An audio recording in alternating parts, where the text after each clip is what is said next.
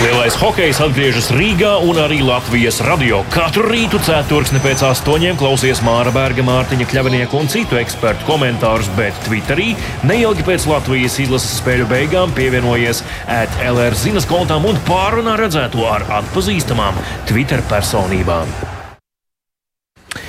Labrīt, Latvijas radio pirmā kanāla klausītāji, hokeja studiju ausīs un radioaparātos Mārtiņš Kļavinieks un Mārs Bergs šeit.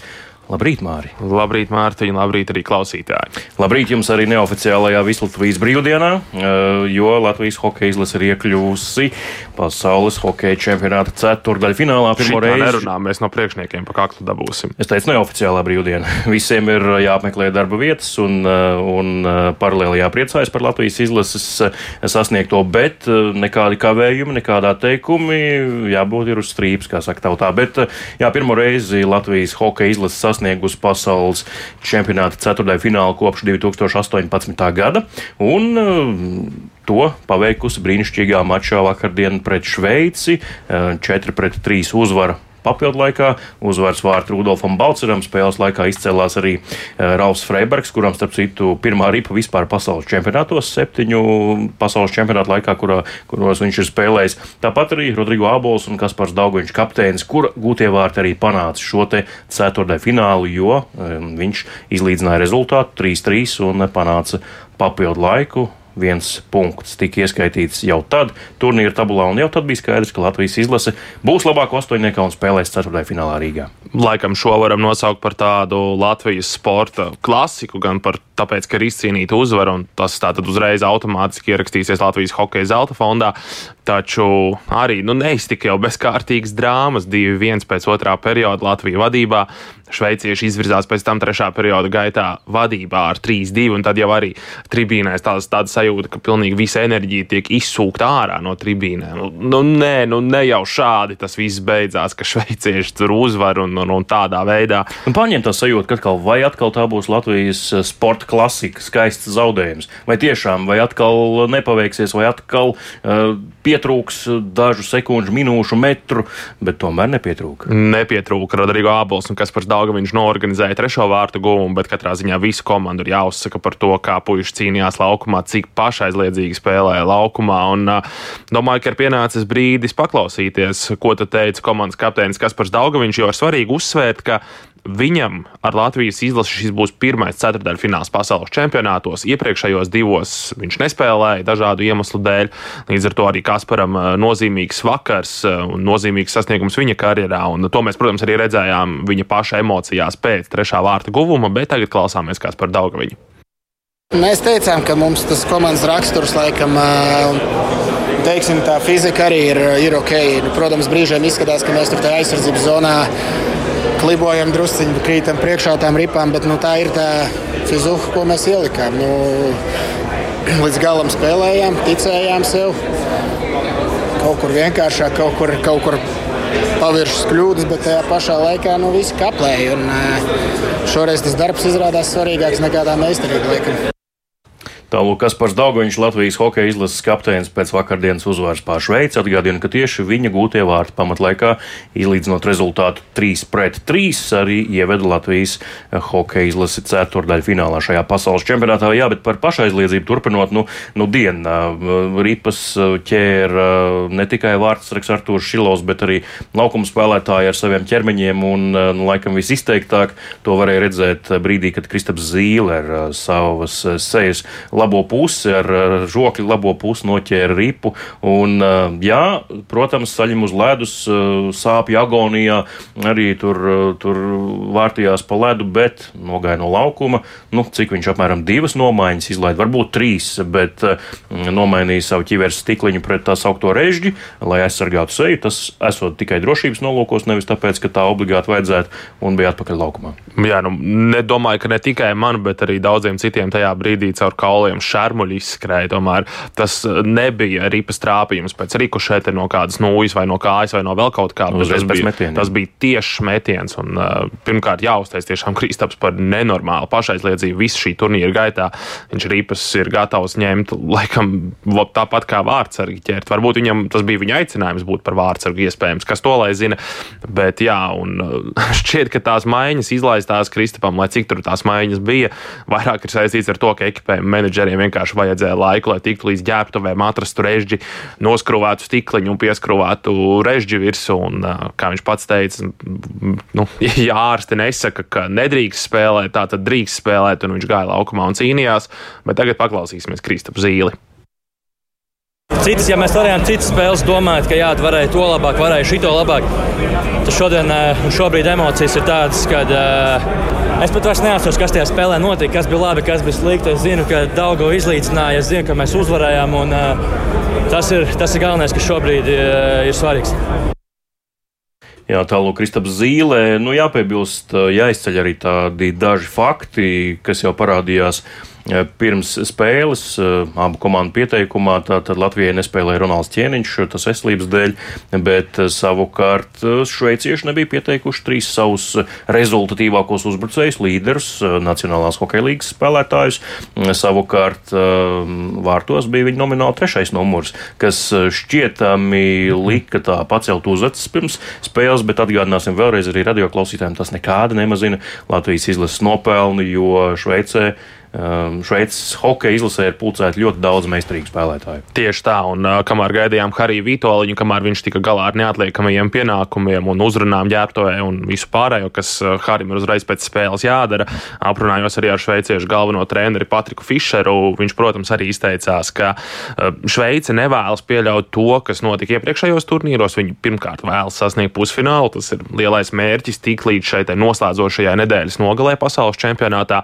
Un skaidrs, ka spēlētājiem ir bijušas garas sezonas, ir īpaši NHL spēlētājiem, un viņi vēlējās šos spēlētājus atpūtināt, bet, kā jau Mārtiņa minēja, tad uh, Tā ir Šveices izlase. Tie nav kaut kādi trešās šķiras spēlētāji vai cilvēki, kas ir salasīti uz ielas, tie paši šveiciešu fani, kas Rīgā ir lielā skaitā. Nu, tā tas nav. Tie ir ļoti meistarīgi spēlētāji no Šveices augstākās līgas, no Nacionālās hokeja līgas, un spēlēt viņi māk. Un uh, Patriks Fišers arī uzsvēra, ka šiem spēlētājiem varbūt bija pat vairāk motivācijas, tāda papildus motivācija sevi pierādīt treneriem, ka, lūk, laid mani laukumā, ceturdaļfinālā es esmu gatavs palīdzēt, es varu dot rezultātu, un šie spēlētāji cīnījās nekādas atlaides nebija. To mēs redzējām, kā šveicieši īstenībā centās izraut šo uzvaru.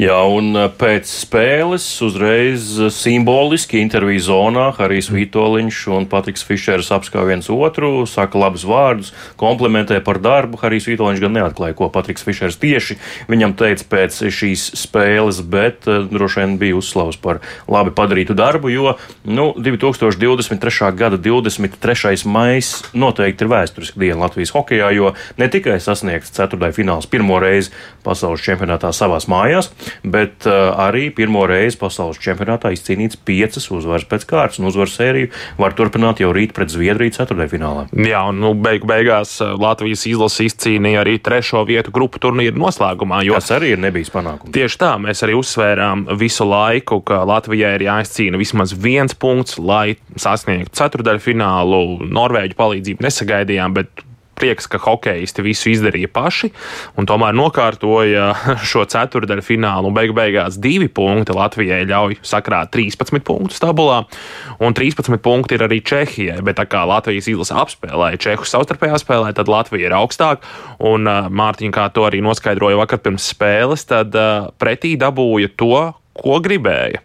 Jā, nu, viens no Latvijas hokeja izlases treneriem Raimons Vilkoits pirms spēles eh, tajā tradicionālajā neoficiālajā sarunā ar žurnālistiem teica, ka labāk zviedrus nekā amerikāņus, jo amerikāņi skrien uh, visu spēli. Uh, Latvijas izlasē zinām, kā ir ar veselību savainojumiem, tomēr arī tā degviela droši vien bākā iet uz beigām turnīra izskaņā.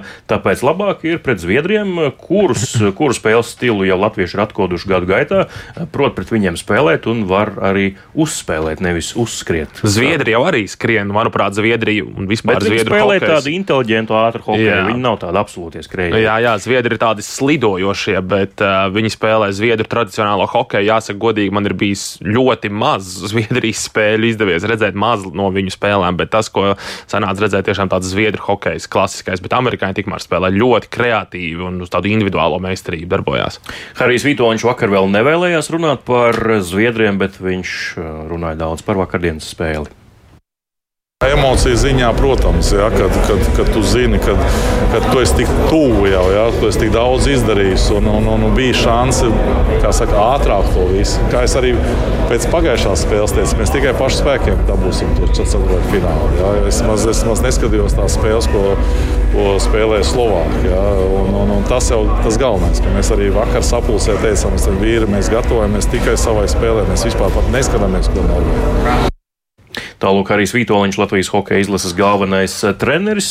Par Zviedriem viņš pārāk nevēlējās runāt. Mēs arī eh, to nedarīsim. Šodien darīsim rīt no rīta 8.15. šeit pat hokeja studijā, kad arī eh, pāanalizēsim Zviedru sniegumu. Būs arī kāds hokeja eksperts, kurš izteiks viedokli. Bet vakardien um, ģērbtuvē visus sveica ne tikai Latvijas Hokeja federācijas vadība, bet arī Kristaps Porziņš bija ģērbtuvē, uzklausīja treneru uzrunu, apsveic visus, iedeva visiem pieci. Tā tāda Latvijas sporta vienot, teiksim tā, vienot sadošanās rokās, laikam kopīgi mērķi vārdā varētu būt, ka visi dzīvo tam līdzi. Jā, nu Kristaps arī galu galā bija Latvijas hokeja izlases kreklā, nesaskatīju, kur Rudolf Balcer, Rudolf Balcer, Liepainieks. Jā, nu lūk, un ar, manuprāt, arī Dāvis Bērtāns bija Arī jā. Zemgus Girgensons pilnīgi noteikti bija, viņu mēs redzējām. Un, mm, tribīna- Runāja, ka arī Aļona Stāpenko laikam bija. jā. Esot bijuši laikam arī vēl sabiedrībā pazīstami ne tikai sportisti, bet arī citu jomu pazīstami pārstāvji. Bet spēlē sekoja līdzi arī daudz citu zināmu cilvēku. Es nolasīšu tikai pāris ierakstus sociālās saziņas vietnē Twitter. Valsts prezidenta amata kandidāts ārlietu ministrs Edgars Inkevičs no jaunās vienotības raksta. Skaista spēle un vieta ceturtajā finālā. Liels paldies Latvijas izlasē, bet pirms tam viņš rakstīja. Kādas tur vēlēšanas? Hokejs. Tā kā, mm, tāds lūk, Edgars Rinkevičs, stāstītais savukārt um, NATO strateģiskās izcelības centra mm, direktors Jānis Sārts um, ierakstīja vakar uh, pēc spēles, kāds zina, kā atgūt balsi. Rīt no rīta jābūt televīzijā. Draugs jautā. Nu. Jā, nu tālāk arī, arī šie cilvēki ir sekojuši līdzi šai cīņai un uh, pārdzīvojuši. Bija tāda sajūta, ka visi Latvijas sekoja līdzi vai nu klātienē arēnā, jo, kā jau mēs minējām, tur bija daudz ekscelenču un eminenču, gan arī, protams, fanu zonā pie hāles bija ļoti daudz cilvēku, tūkstošiem. Fanu zona izskatījās līdzīgi kā Stanley Kausa finālā, kad kādā hokeja pilsētā, kad Kanādā notiek kādas lielas spēles, tad, kad tur savācās tūkstošiem cilvēku pie arēnas. Un pie televīzijas ekrāniem arī droši vien desmitiem, simtiem tūkstoši. Paldies, ka klausījāties. Cerams, ka arī jūs otrpus radioaparātam ir simtiem tūkstošu un klausieties mūs arī rītdien 8.15 hokeja studijā kā katru rītu, tad jau par Zviedriem. Bet šodien uh, izbaudām uh, lielisko dienu pēc uh, ceturtajā fināla sasniegšanas un, un joprojām, kā saka, sērfojam uz pozitīvām emocijām. Paldies un lai visiem laba diena! Uz tikšanos!